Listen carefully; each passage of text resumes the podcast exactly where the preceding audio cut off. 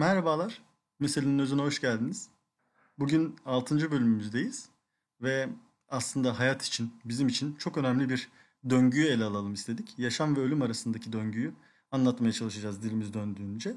Ben Saltıko Neyaz, e, yanımda yine e, sevgili dostum, en yakın arkadaşım Çağatay Sucu var. Dostum nasılsın, iyi misin? İyiyim dostum, sen nasılsın? Ben de iyiyim. Ee, yine güzel bir konuyla e, sohbet etme fırsatı bulduğumuz için ayrıca iyi hissediyorum kendimizi. Dilersen ne anlatacağız bugün? Onlardan yine birazcık bahsedelim. E, ölüm ve yaşam kavramlarını değerlendireceğiz kendimizce. E, bu kavramlara nasıl baktığımızı e, anlatacağız. E, ardından bu döngünün ve bu kavramların The Fountain filminin içerisinde nasıl anlam bulduğuna bakacağız. Şu anda bizi canlı yayından dinleyenler var. Sonrasında tabii ki Spotify gibi farklı platformlardan da dinleyecekler. Eğer The Fountain'ı izlemediyseniz e, podcast'i burada durdurup e, The Fountain'ı izledikten sonra tekrar dönebilirsiniz. Ve aslında sizin için daha iyi olur. Çünkü spoiler'ı da anlatacağız. E, dilersen dostum bu kavramlara nasıl baktığına dair bir girizgah alalım senden. Tabii şimdi bu hafta ele alacağımız konu aslında tabii nasıl ele alındığıyla e, da alakalı olarak e, aslında ağır iki kavramı işleyeceğiz. Hani e, bu iki kavramla e, iki kavram üzerinden nasıl e, neşeli bir sohbet, e, nasıl keyifli bir sohbet çıkarılır onu hep beraber göreceğiz. E, ben kendi bakış açımı e, anlatmak için e, ilk önce ufak bir alıntı kullanacağım. Benim için çok çok özel bir e, kitap olan, e, benim için yani benim adıma dünyanın en iyi kitabı olan George Orwell'ın efsanevi 1984 kitabından ufak bir alıntı. Ee, bu kitapta kitabın ana karakteri Winston'a e, George Orwell şu sözleri sarf ettiriyor. İnsan, insan olarak kaldığı sürece ölüm ve yaşam aynı şeydir. Şimdi bu sözü e, aslında biraz derinliklerine indiğimizde ölüm ve yaşam aynı şeydir diyor. Ancak e, ölüm ve yaşam e, tabii ki de e, farklı bir perspektiften bakacak olursak aynı şey olmamalarına rağmen aynı olguya hizmet eden iki kavram. Yani e, yaşamın aslında ölüm denizine akan bir nehir olduğunu söyleyebiliriz metaforik konuşacak olursak. Bana kalırsa. Yani sonuçta e, iki kavram e, birbirini tamamlayan hani, e, kavramlar. E, yaşam olmadan ölüm e, olmuyor. Ölüm işte başka bir e, yaşama yol açabiliyor. E, bu şekilde benim e, ilk izlenimlerim bu iki kavramla alakalı. Sen ne düşünüyorsun acaba? Ya aslında şöyle insanlık e, tarih boyunca hep bu e, ölüm meselesiyle ilgili bir sorun yaşıyor. Yani ölümle sürekli mücadele etmeye çalışıyoruz. Ve yaşamımız çünkü e, sona erecek ve bilinmezlik içine gireceğiz. Bu hepimizi korkutuyor, dehşete düşürüyor. E, dolayısıyla ölüm hep bizim için çok soğuk ve uzak bir kavram. Çünkü sevdiğimiz insanları da kaybetmek istemiyoruz. Bizim için bir son ve olumlayamıyoruz kafamızda da. Ama aslında ölüm ve yaşam birbirini takip eden ve insanlık tarihi boyunca hatta dünya tarihi boyunca, evren tarihi boyunca hep birbirini devam ettiren e, meselelerdir. Bir nötron mesela bir yıldızın patlayıp nötron yıldızı ortaya çıkartması yani ölümden yeni bir şey doğurması meselesi gibi. Yani evrenin her noktasına baktığımızda bu ölüm ve yaşam arasındaki ilişkiyi, yani başlangıç ve son arasındaki ilişkiyi görmeye başlıyoruz. Ya tabii ki sanatın içerisinde de görüyoruz bunları. Nasıl görüyoruz mesela? Ee, sürekli edebiyatta, sinemada, çeşitli başka dallarda insanlar e, ölümden e, kaçmaya ve ölüme çare bulmaya çalışmışlar. Nasıl yapmışlar bunu? Mesela sonsuz yaşam e, ve bu sonsuz yaşama sahip karakterler yazmışlar, e, göstermişler.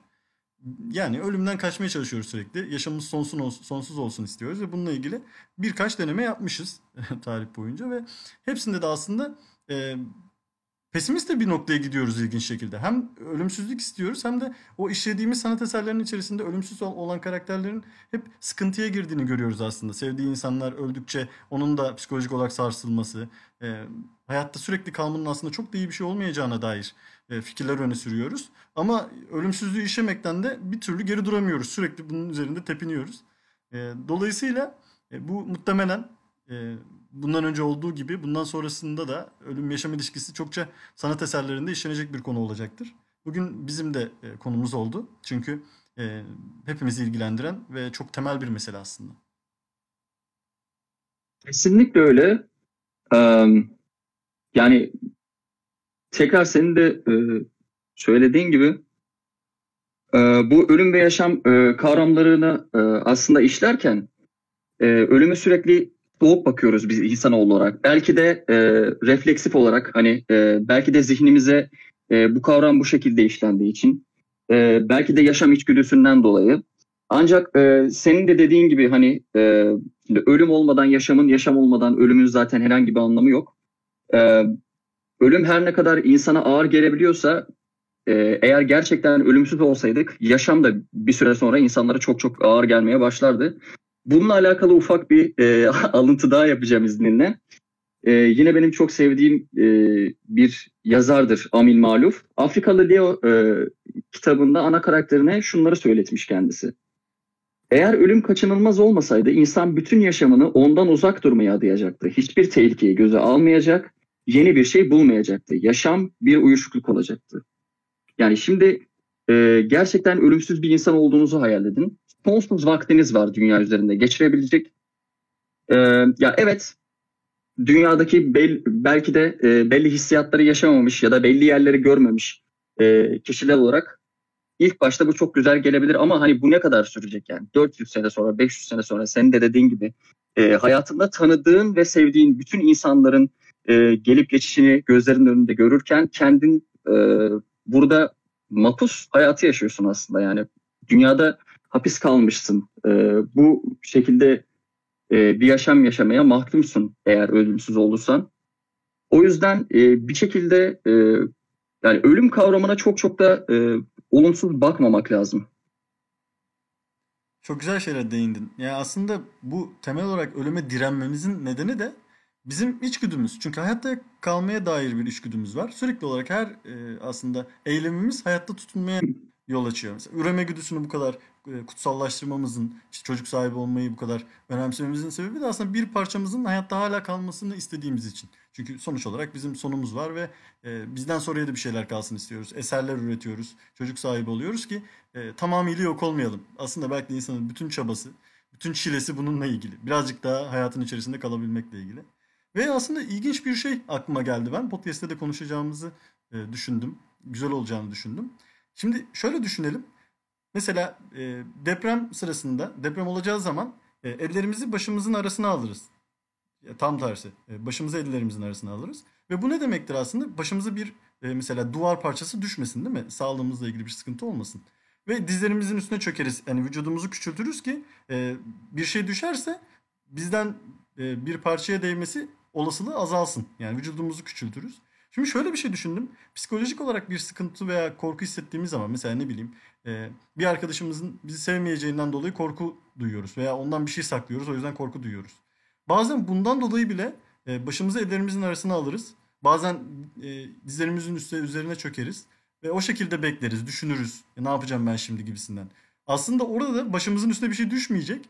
Ama yani psikolojik bir sorunumuz var sonuçta. Ama yine de aynı eylemi gerçekleştiriyoruz. Vücut hala hayatta kalmaya yönelik e, alışkanlıklar, refleksler gösteriyor. Hala başımızı korumaya yönelik bir tavır gösteriyor. Bana çok ilginç gelmişti. Sonuçta psikolojik bir şey. Bedenimiz bir yere almayacak bu korkudan dolayı. Ama yine bedenle bir tepki veriyoruz. Şimdi bu bahsettiğim anekdot filmin içerisinde de bir noktada karşımıza çıkacak. Oraya geldiği zaman daha detaylı anlatırız diye düşünüyorum.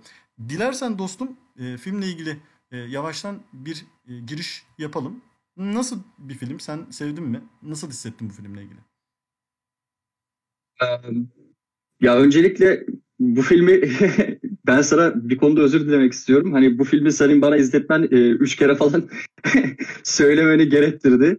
E, ya ben e, aslına bakarsan e, sen de biliyorsun ki işte temposu yüksek filmleri çok çok severim. E, The Fountain ilk bakışta e, biraz yüzeysel bir film e, gibi gelmesine rağmen daha e, ilk sahnelerinden itibaren nasıl bir derinliğe sahip olacağını bana göstermişti aslında. Çünkü e, sen de yanlış hatırlamıyorsam bir makaleni okumuştum The Fountain'la alakalı. E, o kısma da değinmiştin. Hani çok katmanlı bir hikaye anlatım yapısı var. E, Darren Aronofsky'nin de e, Aronofsky'den zaten e, alışık olduğumuz bir durum. E, el aldığı konular bakımından, işlediği temalar bakımından e, kendi kişiliğinden çok fazla ödül vermeyen bir yönetmen. Ee, üst katmanda bir hikaye yapısı var. Ee, ana hikaye ve bu ana hikayeyi destekleyen yine ana, ana hikayenin karakterleri içine yedirilmiş iki tane yan hikayemiz var. Ee, ben filmin olay akış e, diyagramını, olay akış sırasında biraz e, kafa karıştırıcı bulabilsem de e, filmin özünü anlayabildim. Anlayabilmeme de çok sevindim açıkçası. E, çünkü filmin anlatmak istediği şeyler çok çok değerli gerçekten de. Şöyle aslında Aronofsky'nin diğer filmlerinde de e, buna benzer bir tempo görüyoruz. Hani mesela Requiem for a Dream, Bir Rüya için Ağıt filminde de başta yavaş bir tempoyla başlayıp sonrasında e, çılgın bir noktaya çıkan e, filmleri var. Birçok filmini izledik beraber Aronofsky'nin seninle. bu filmde o film zaten akıllara zarar ya. o film gerçekten akıllara zarar. Evet. çok yani insanın e, her insanın aslında iz, izlemesi gereken ama e, izlemesi çok çok kolay olmayan bir e, film gerçekten. Neyse senin sözünü böldüm. Özür Estağfurullah. Ee, bir daha izleyemeyeceğim en iyi film diyebilirim. Kesinlikle. ya işte burada da aynı tempoyu görüyoruz aslında. Başta e, o üç katmanlı hikayenin e, girişlerini görüyoruz ve aslında ne oluyor ya burada diye bir e, zihin yapımız oluşuyor. O aralar e, temposu düşük gelebilir insanlara fakat film ilerledikçe gerçekten tempoda yükseliyor. Aslında çok önemli bir konuya dolayı da e, bu noktada hani temponun bir yerde yükselmesi gerekecek. Çünkü ölüm gibi, yaşam gibi çok uç e, ve çok aslında döngüye bağlı şeyleri anlatıyor. Şöyle aslında Aronofsky bu filmi yaparken yeni bir Matrix belki de olabilecek e, beklentisiyle tasarlamış, yapmak istemiş. O noktaya çıkamadı çünkü popüler bir hale gelmedi. E, insanlar o seviyede bir talep göstermedi bu filme. E, ama eğer felsefi bir film izlemek istiyorsanız, felsefi bir derinlik arıyorsanız bu sizin için e, çok önemli bir film olacaktır. Çünkü gerçekten çok derinlikli bir yapısı var ve temelde de bir e, derdi, bir meselesi var anlatmak istediği. Bu üç katmanın ne olduğundan söz edelim. Bu üç katmanın birincisi normal hayatta geçiyor. E, Tommy isimli bir karakterimiz var. Ana karakterimiz Hugh Jackman oynuyor. E, Isabel, Izzy isimli onun eşini canlandıran bir karakterimiz var. E, eşinin beyninde tümör var. Tommy'nin. Ve Tommy bir doktor. Ve bu tümörden dolayı da rahatsız. Ölümü ve bu tümörü de bir hastalık olarak görüyor ve tedavi edebileceğini düşünüyor. Yani ölüm de bir hastalıktır diyor. Ben bunu tedavi edebilirim. Eşimin ölmesine gerek yok diyor. Bu bizim e, temelde ilerleyen katmanımız. Diğer bir katman e, eşinin yazdığı romanın içerisinde geçiyor. Filmde kesik kesik görüyoruz. Sürekli bir oraya bir oraya savruluyoruz. Romanın içerisinde geçen e, kısımlar var. E, ve aslında Tommy'nin içsel süreci, ölümü kabullenişi ya da kabullenemeyişini içeren e, Budist rahiplere benzer hatta bir yapısı var. O gelişim sürecini gördüğümüz bir sarı kürenin içerisinde görüyoruz Tommy karakterini ve bir ağaçla konuşuyor. O ağaçta ne manaya geliyor birazdan anlatacağız. Sen ne düşünüyorsun bu katmanlarla ilgili? Ben dediğim gibi aslında e, Aronofsky'nin hani hikaye anlatım teknikleri senin de dediğin gibi çok fazla kendinden ödün vermez. E, bu üç hikaye elementini e, birbiriyle kafamda e, birleştirmekte filmin başında e, öncelikle çok çok zorlandım. Ancak hikaye e, ilerlemeye ve kendini geliştirmeye başladıkça zaten bu üç hikaye arasındaki bağlantının ne olduğunu çok iyi bir şekilde algılayabiliyorsunuz. Um, ben bazı kamera açılarını falan da çok sevdim. Mesela e, bir sahne var. E, Isabel'in hastalığının e, ciddileştiğini öğrendikten hemen sonra hastaneden e, elleri cebinde çıkan e, Tommy e, yürüyor ve aslında orada sadece ufak tık tık tık tık tık ayak seslerini duyuyoruz. Ben o kısımda mesela acaba dedim Allah Allah hani e, filmin sesi mi gitti ya da kulaklığın şarjı falan mı bitti? Ancak Tam o e, düşünce, e, düşünceli bir halde yürürken Tommy bir anda önüne bir araba e, çıkıp kornaya basıyor ve siz de seyirci olarak geriliyorsunuz. E, yani seyirciyi böyle e, belli e, nasıl diyeyim ruhsal ve e, duygusal boşluklara düşürüp ondan sonra bir şekilde uyandırmayı ve hikayenin içine tekrar geri sarmayı çok iyi beceriyor Aronofsky. Bilmiyorum bu konuda sen de aynı şeyleri düşündün mü? Ya mesela o sahneyi ele al, e, almak istersek, ha sahneyi hatırlıyorsun, hatırlıyor musun bilmiyorum. Büyük ihtimalle hatırlıyorsundur. Yani o sahnenin orada oraya koy, koyulma amacıyla alakalı düşüncelerin neler mesela? Ben merak evet. ediyorum bunu. Evet, güzel bir şey değindin. Aslında e, Nocturnal Animals'ta bir sahne vardı hatırlarsan böyle bir anda e, Susan'ın zihninde bir cismin, bir karakterin, bir kişiliğin belirmesi roman karakteriyle ilgili. E, Nocturnal Animals'taki o ani sahnelere çok benzer. E, seyirciyi uyandırmak, hikayenin içinde tutmak gibisinden. Çünkü orada bir ayak seslerini duyuyoruz. Bir süreç var. E, Tommy'nin yaşadığı süreci hissettiren bir boşluk var ve orayı o ani sahneyle seyirciyi içine çekiyorlar onu kullanarak. Ve e, filmin içerisinde aslında e, anlaşılması zor gerçekten üç geçiş var. Ve bu geçişlerin e, temel olarak nasıl şekillendiğini anlatalım. E, Tommy zamanının büyük bir çoğunluğunu hastanede geçiriyor. Ölüme çare ararken ve tümöre çare ararken eşinin ölmemesi için. Bu süreçte e, eşi Isabel, Izzy ölümle barışmaya çalışıyor. Ölümden korkuyor çünkü. Kabullenemiyor. Ve o süreci kabullenirken de Maya öğretilerini takip etmeye başlıyor. Maya mitolojisiyle ilgili e, bir şeyler okuyor. Bir şeyler e, hakkında bilgi sahibi oluyor. Ve bu süreç onu aslında ölümü kabullenmeye iten bir süreç oluyor. Ve e, aslında huzur bulmaya doğru giden bir süreç onun için. Fakat Tommy bunu asla kabul etmiyor. Çünkü eşinin ölmesini istemiyor ve buna asla hazır değil. O yüzden e, onun son anlarında onunla onun yanında olmak yerine o hastalığa bir çare öğretmeye çalışıyor. Ve bütün zamanını aslında buna ayırıyor.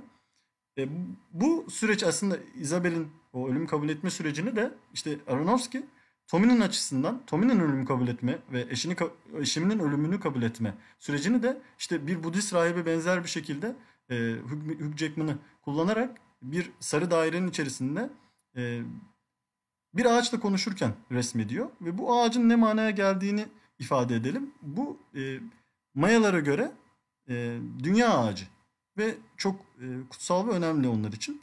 Bu noktada e, Mark Daniels'ın Bir Nefeste Dünya Mitolojisi isim, e, isimli bir eserinden alıntı yapacağım. Şöyle bir ifade geçiyor orada.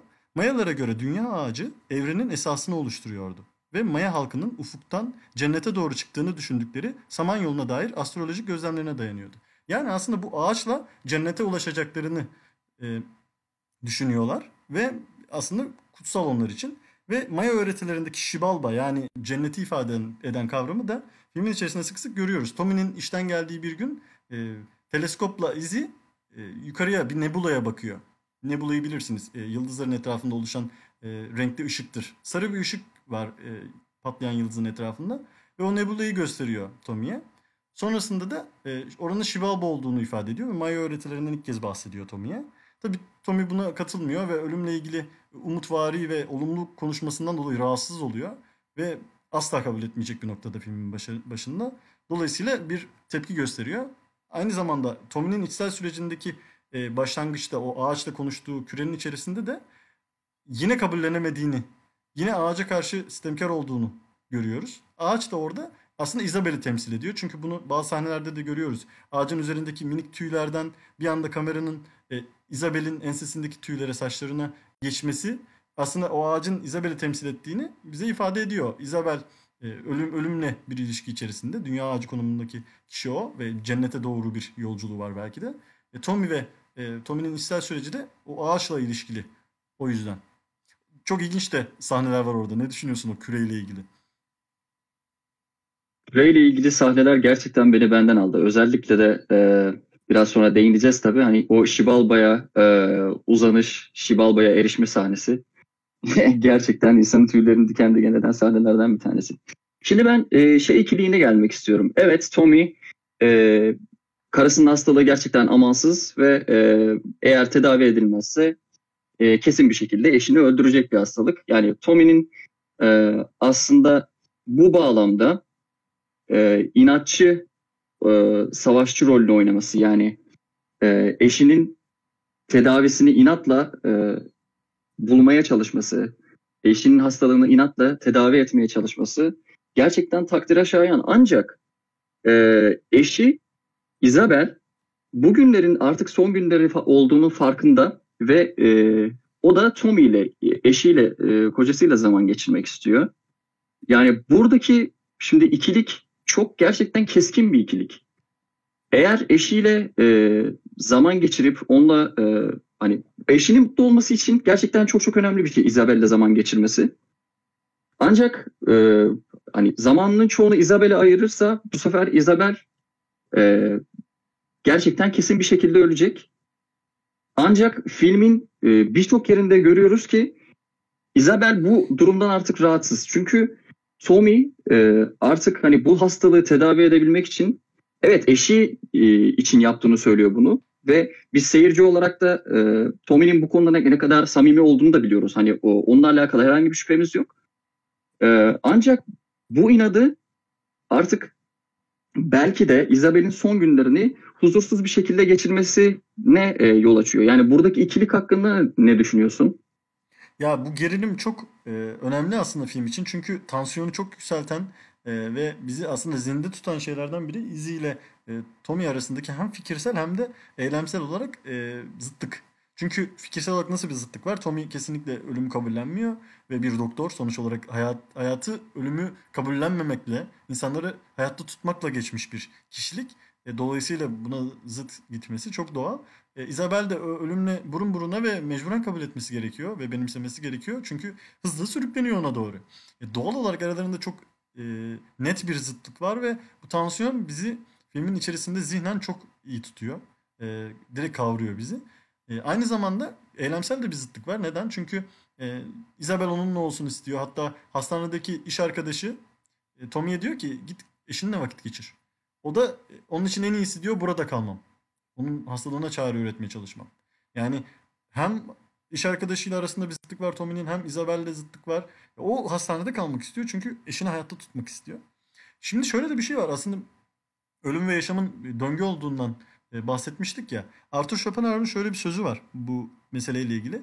Doğanın hakiki simgesi her yerde her zaman dairedir. Çünkü o yenilenmenin kalıbıdır. Esasen bu doğadaki en genel formdur. Yani aslında bütün o döngüleri daire formuyla ifade ederiz biz. Burada da o az önce bahsetmiştik ya bir kürenin içerisinde görüyoruz Tommy'nin e, zihninin gelişim sürecini diye. O küre belki de bu döngüsellik meselesinden dolayı daire şeklinde ve e, Tommy onun içerisinde. O döngüyü anlamaya çalışıyor çünkü o döngüyle ilişki içerisinde. E, bu doğrultuda aslında en sonunda e, şi, şi, ışık da aslında sarı ışık olması nedeniyle Şivalba'yı da çok ifade ediyor. E, meselenin sonunda e, Hugh Jackman'ın oynadığı Tommy karakterinin de Şibalba ve bu cennet ve ölüm meselesiyle aslında yavaş yavaş barışmaya başladığını göreceğiz.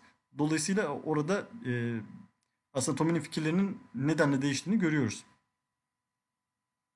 Kesinlikle evet. Ya aslında burada e, Tommy'nin psikolojisini e, anlamaya çalışırken e, ve bu ölüm ve yaşamla alakalı e, işte ufak e, belli filozoflardan alıntılar almaya çalışırken bu e, durumu gerçekten çok çok güzel özetleyen bir e, söze e, denk geldim ben. Senin sana da söylemek istedim.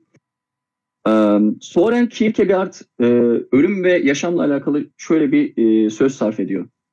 Ölüm yalnızca insanlar onu nasıl düşünüyorsa ve başkalarının ölümleri onları nasıl etkiliyorsa o şekilde tanınır.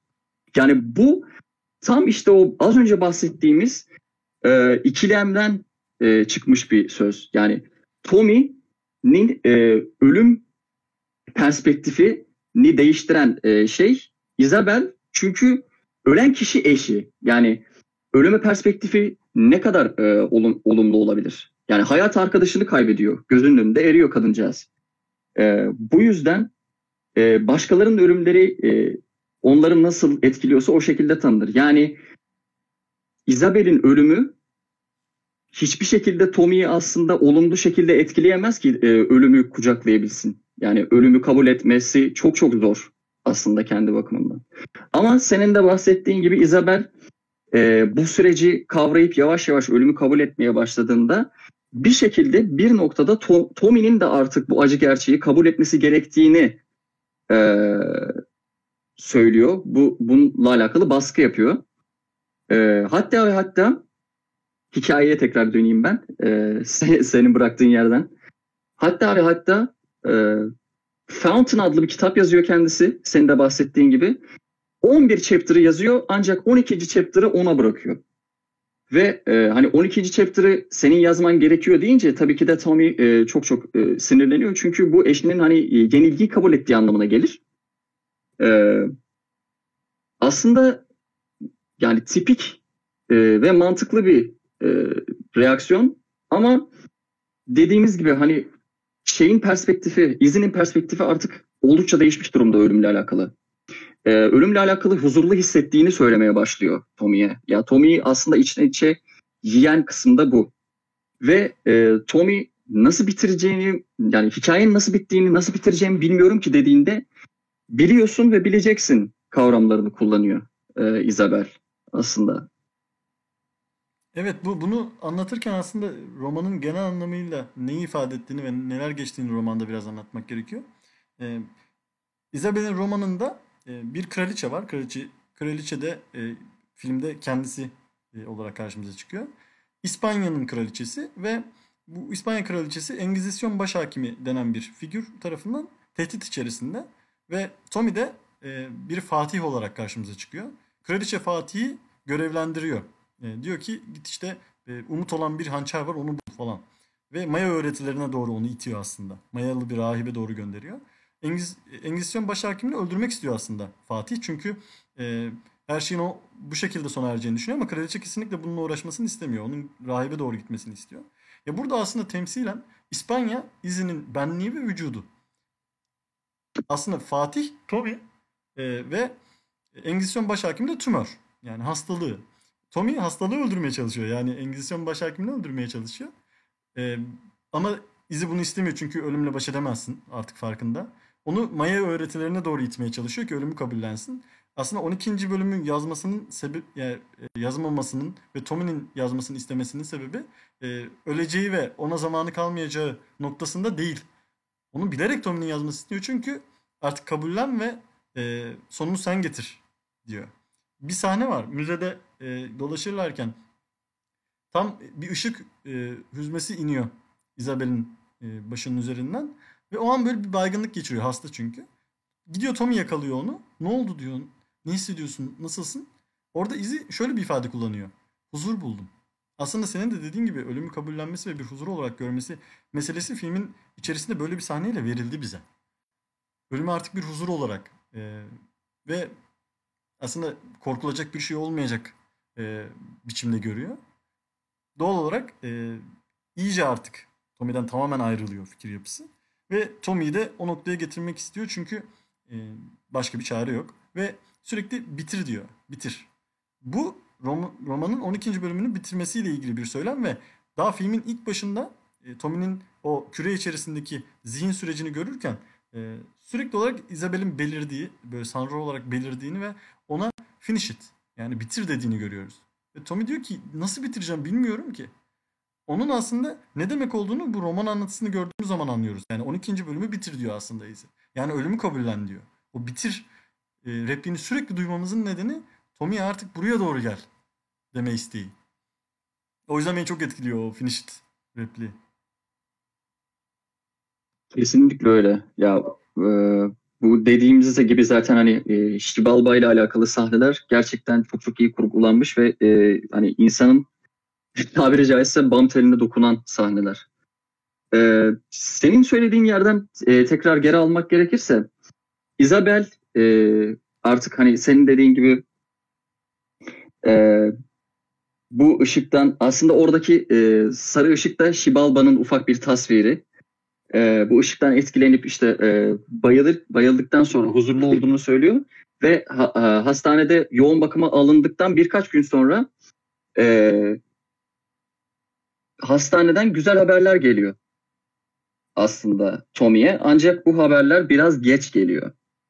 E, şimdi şöyle bir şey bu e, maymunlar üzerinde beyin tümörü olan maymunlar üzerinde e, belli ameliyatlar ve belli e, deneyler yaparken e, bir bitkinin karışımı e, karışımıyla alakalı belli gelişmeler oluyor. Ya maymunun e, fizyolojisi belli reaksiyonlar, belli olumlu reaksiyonlar veriyor aslında e, bu karışıma.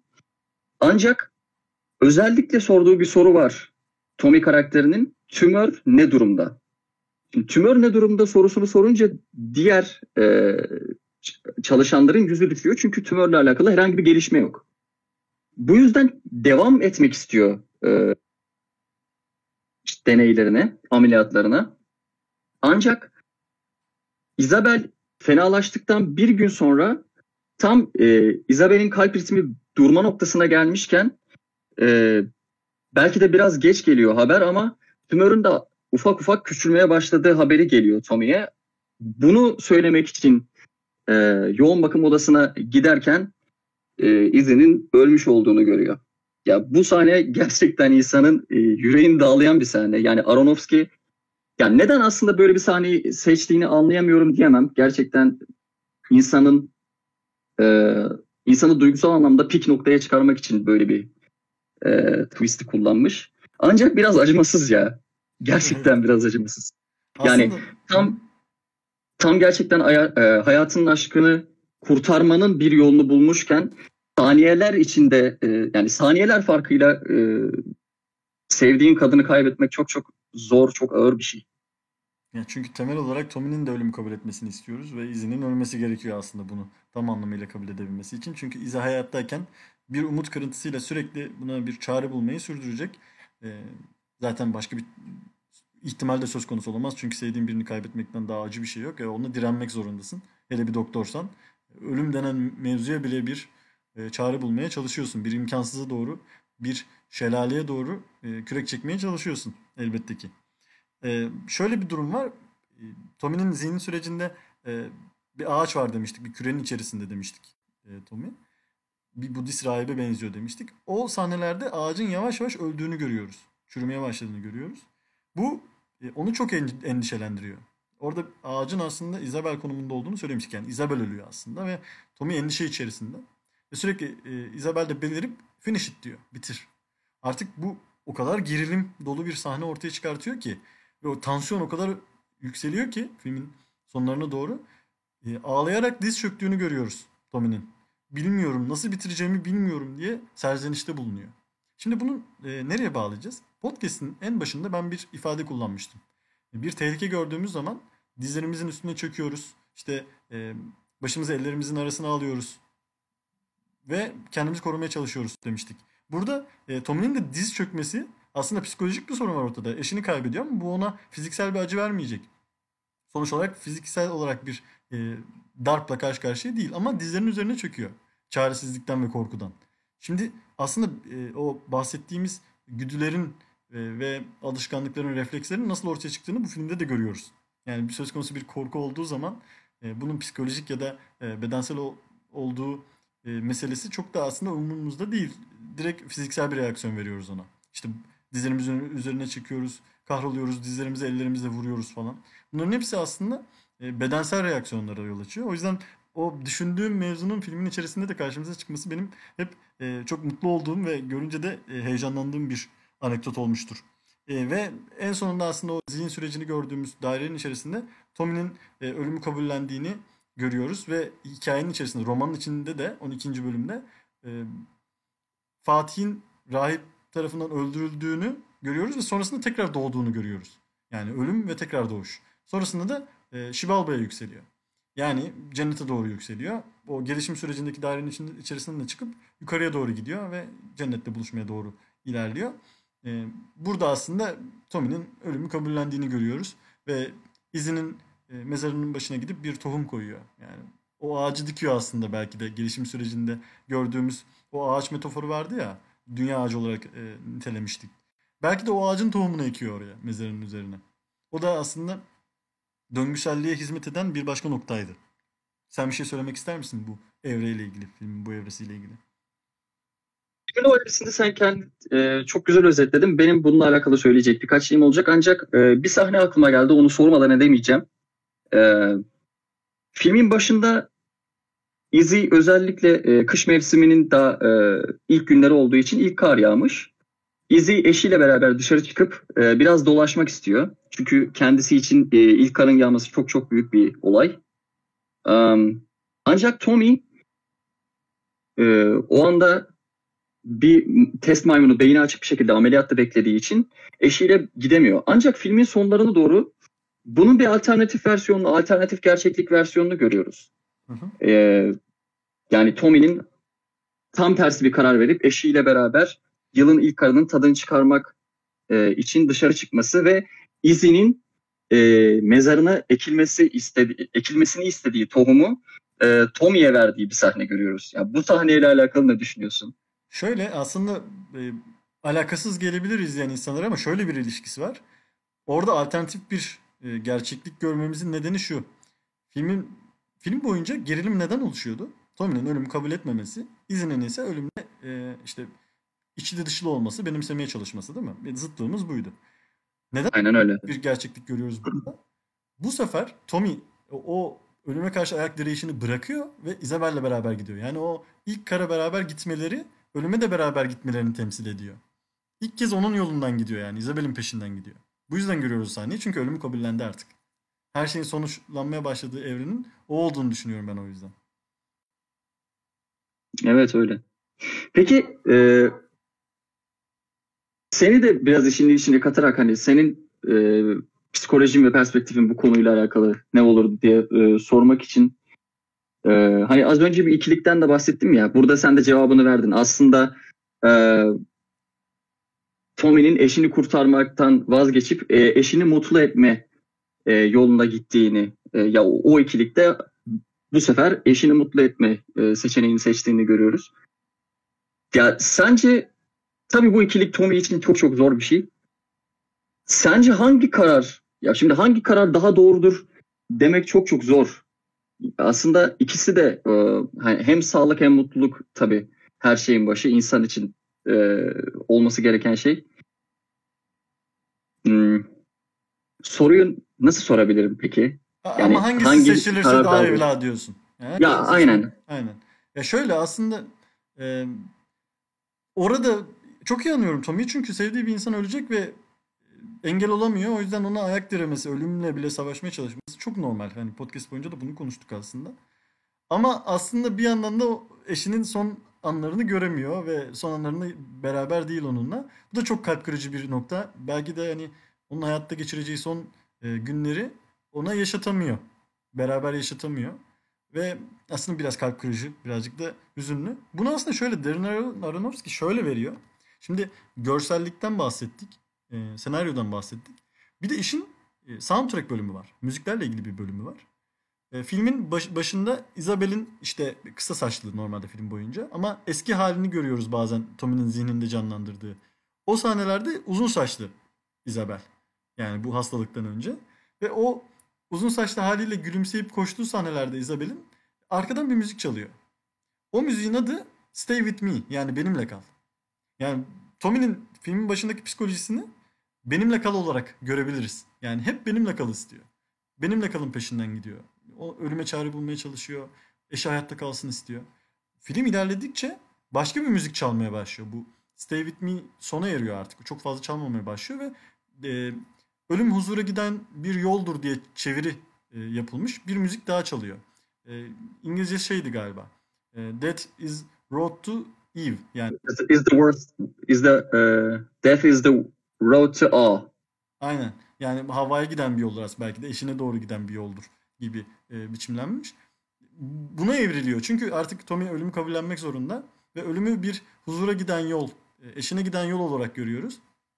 Aslında hem kurguyla hem görüntüyle hem senaryoyla verdiği şeyleri Aronofsky bu noktada bir de müziklerle veriyor. Yani müziklerin ismiyle bile o geçiş sürecini çok iyi anlatıyor bence.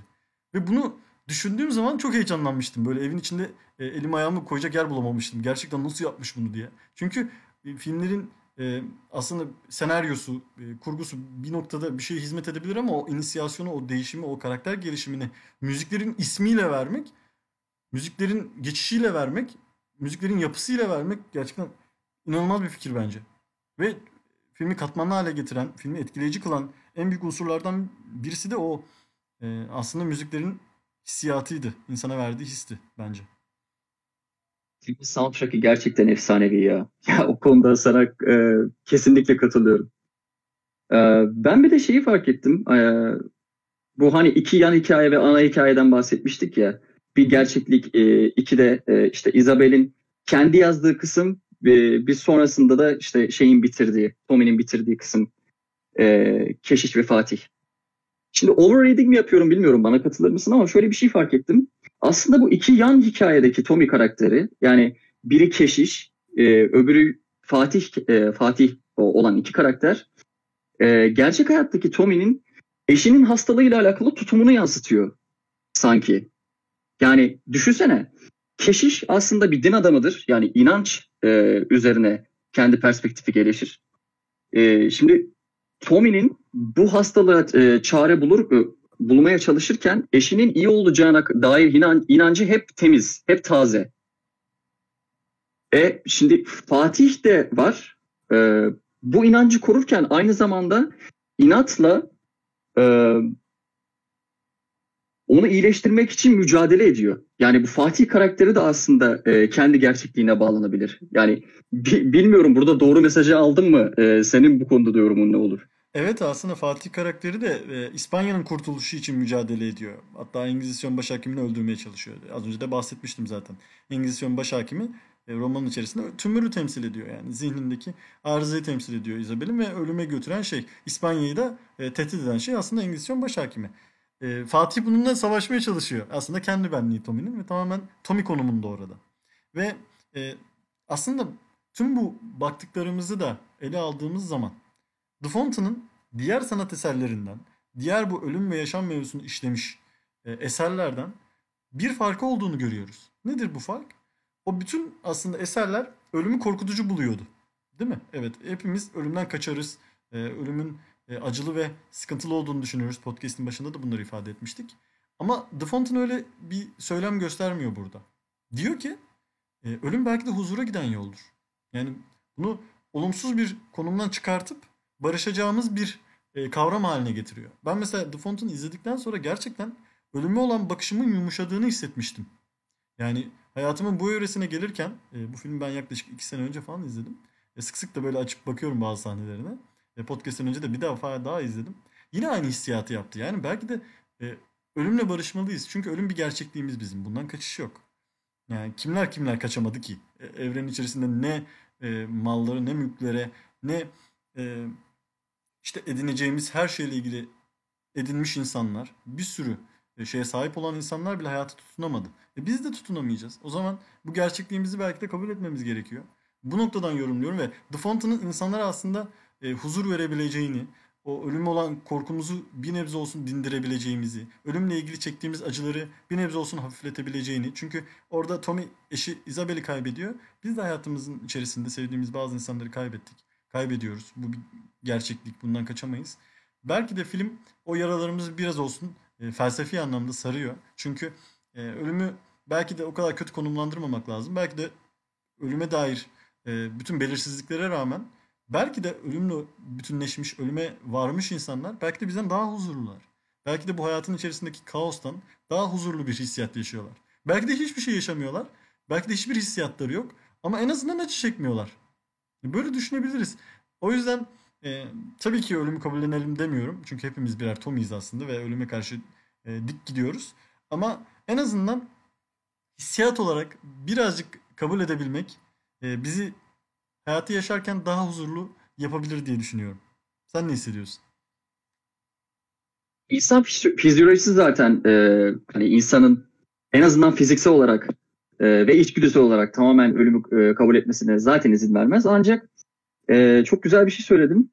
E, ben de ona katılıyorum. Yani sonuçta e, hani ölüm yokken biz varız, var oluyoruz. Ölüm olduktan sonra, e, ölüm var olduktan sonra da biz zaten yok olacağız. Yani e, neyi hissettiğimizi ya da herhangi bir şey hissedecek miyiz, herhangi bir acı çekecek miyiz bunları zaten bilemiyoruz. E, o yüzden hani bilinmedik bir şeyle alakalı bu kadar fazla kafa yormak e, ve hani ondan bu kadar korkmak gerçekten yersiz. E, hani az önce Amil Maluf'un e, bir sözüne de değinmiştim ya işte ölümsüz olsak gerçekten çok sıkıcı geçerdi hayat. E, ölümlüyüz. O zaman ölümü bu kadar kafaya takmamak gerek. Yani eğer ölümü bu kadar düşü, düşünmeye başlarsan kendi hayatını yaşama yet, yetini yitirirsin. Yani ben böyle düşünüyorum. Evet ya ölümü bu kadar dert edersek çoktan ölmüşüzdür belki de. Hani şu an kendi iç, içerisinde bulunduğumuz hayat Kesinlikle. gelmişizdir noktasında değil mi? Ee, aslında az önce senin söylediğin söz benim hatırladığım kadarıyla Arthur Schopenhauer'a ait değil mi? Doğru hatırlıyorum. Oradan. Ee, ben varken ölüm yok. Ölüm geldiğinde de ben yok olacağım. Bu yüzden hiç dert etmiyorum diye bir söz var Arthur Schopenhauer'ın. Ee, çok güzel bir alıntı kardeşim. Çok sevindim burada dillendirmene. Çünkü Arthur Schopenhauer'un şöyle de bir sözü var aslında. Hayat e, keyif alınacak bir şey değildir.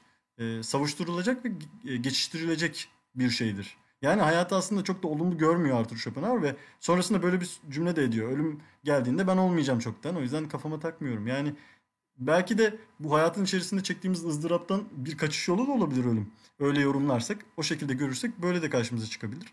E, dolayısıyla yapabileceğimiz şeyler için e, dertlenmeliyiz. Bu hayatta değiştirebileceğimiz şeylerle ilgili kaygılanmalıyız. Eğer e, bir e, yapabileceğimiz hiçbir şey yoksa e, kafamıza takmamamız gerekiyor o sıkıntıyı. Çünkü e, yani yapabileceğimiz bir şey yok. Kendi hayatımızı hiçe sayıyoruz. Ölümle ilgili yapabileceğimiz bir e, eylem var mı? Yok. Ölüme çare bulabilir miyiz? Hayır.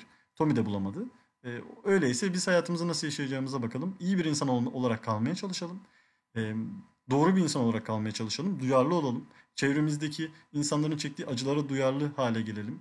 E, onların acılarını paylaşalım. Yapabileceksek, yardımda bulunabileceksek yardım etmeye çalışalım. Dünyada olan sıkıntıları bir nebze olsun, kendi küçük çevremizde de olsa güzelleştirmeye, e, o yaraları iyileştirmeye çalışalım. Sevdiğimiz insanlarla daha çok vakit geçirelim ve onlara en azından e, benliğimizden bir şeyler verebilelim ki hayatta e, şöyle bir söz var ya aslında. E, Sevdiğin bütün insanlar öldüğünde, seni tanıyan bütün insanlar öldüğünde hiç var olmamış olacaksın. O yüzden e, Aynen öyle. sevdiğimiz insanlarla birçok şey paylaşalım. En azından biz ölürsek de onlarda hala benliğimiz, ruhumuz bir nebze de olsa var olabilsin. Bu yüzden üretiyoruz bir yandan da. Hani bugün bu podcast yapıyoruz ve bazı dostlarımız, dinleyicilerimiz dinliyor. Bu noktada şunu söylemek doğru belki de. Biz ölsek dahi bu ses kayıtları kalacak. E, farklı e, teknolojilerle belki kayıtlar geçecek ama e, sonuçta söylediklerimiz vuku bulacak, baki olacak. Dolayısıyla güzel bir şey yapıyoruz. Yani benliğimizden bir şeyler katıyoruz. Burada filmler hakkında konuşuyoruz, hayatla ilgili konuşuyoruz, bir sürü kavramla ilgili konuşuyoruz. Bunlar bi- bizim benliğimizden bir hatıra, bir anı ve dolayısıyla tekrar dönüp bakıp dinleyebileceğimiz, e, bizi hatırlamak isteyen dostlarımızın tekrar ulaşabileceği kayıtlar biriktiriyoruz. Dolayısıyla yaptığımız şeyi de bu noktada yorumlayabiliriz diye düşünüyorum. Bunun aslında çok güzel bir örneği e, bizim bu haftaki e, bölümümüzde de saklı. Hani o kadar onlarca insandan alıntı yaptık. Yani onlar e, şu anda aslında bedenen dünyada değiller, aramızda değiller ama kendi mentalitelerini e, o kadar güzel açıklamışlar ki e, onlar hakkında konuşmadan ve onun, onların sözlerini sarf etmeden duramıyoruz. Bu arada e, yakalandık ya. Sen az önce benim e, karizmayı çok güzel yerlere indirdin. Estağfurullah. sözü ne- nerede okuduğumu hatırlamıyordum. Schopenhauer'dan olduğunu e, hatırlamadığım için kendi sözüm gibi sarf etmeye çalışınca e, bütün karizma yerlere indi yani çok sağ ol. Estağfurullah. Ben seni tanıdığım için hatırlayamadığını biliyordum. O yüzden aslında sana ek ol diye söylemek istedim. Seni birazcık kurtardım diyebiliriz. Ee, Eyvallah. dostum söyleyeceğin, ekleyeceğin bir şey var mı? Hayır dostum çok sağ ol. Ee, bugün de bu kadardı efendim. Umarım keyif almışsınızdır. Ee, mutlu olmuşsunuzdur. Eğer filmi de podcast'in başında podcast'imizi durdurup izlediyseniz ve o şekilde devam ettiyseniz filmle ilgili de güzel bir hissiyat yaşamışsınızdır. Filmin derinliklerine bizim aracılığımızda, bizim e, elçiliğimizde inebilmişsinizdir diye umut ediyorum. Ee, ve umarım bu size keyif vermiştir, mutluluk vermiştir. Ee, yaklaşık 50 dakikalık bir yayın oldu ve 50 dakikası hayatınızın en azından anlamlı geçmiştir. Ölüme doğru sürüklenirken diyelim. Ee, bugünlük bizden bu kadar diyelim. Hoşçakalın. Hoşça kalın.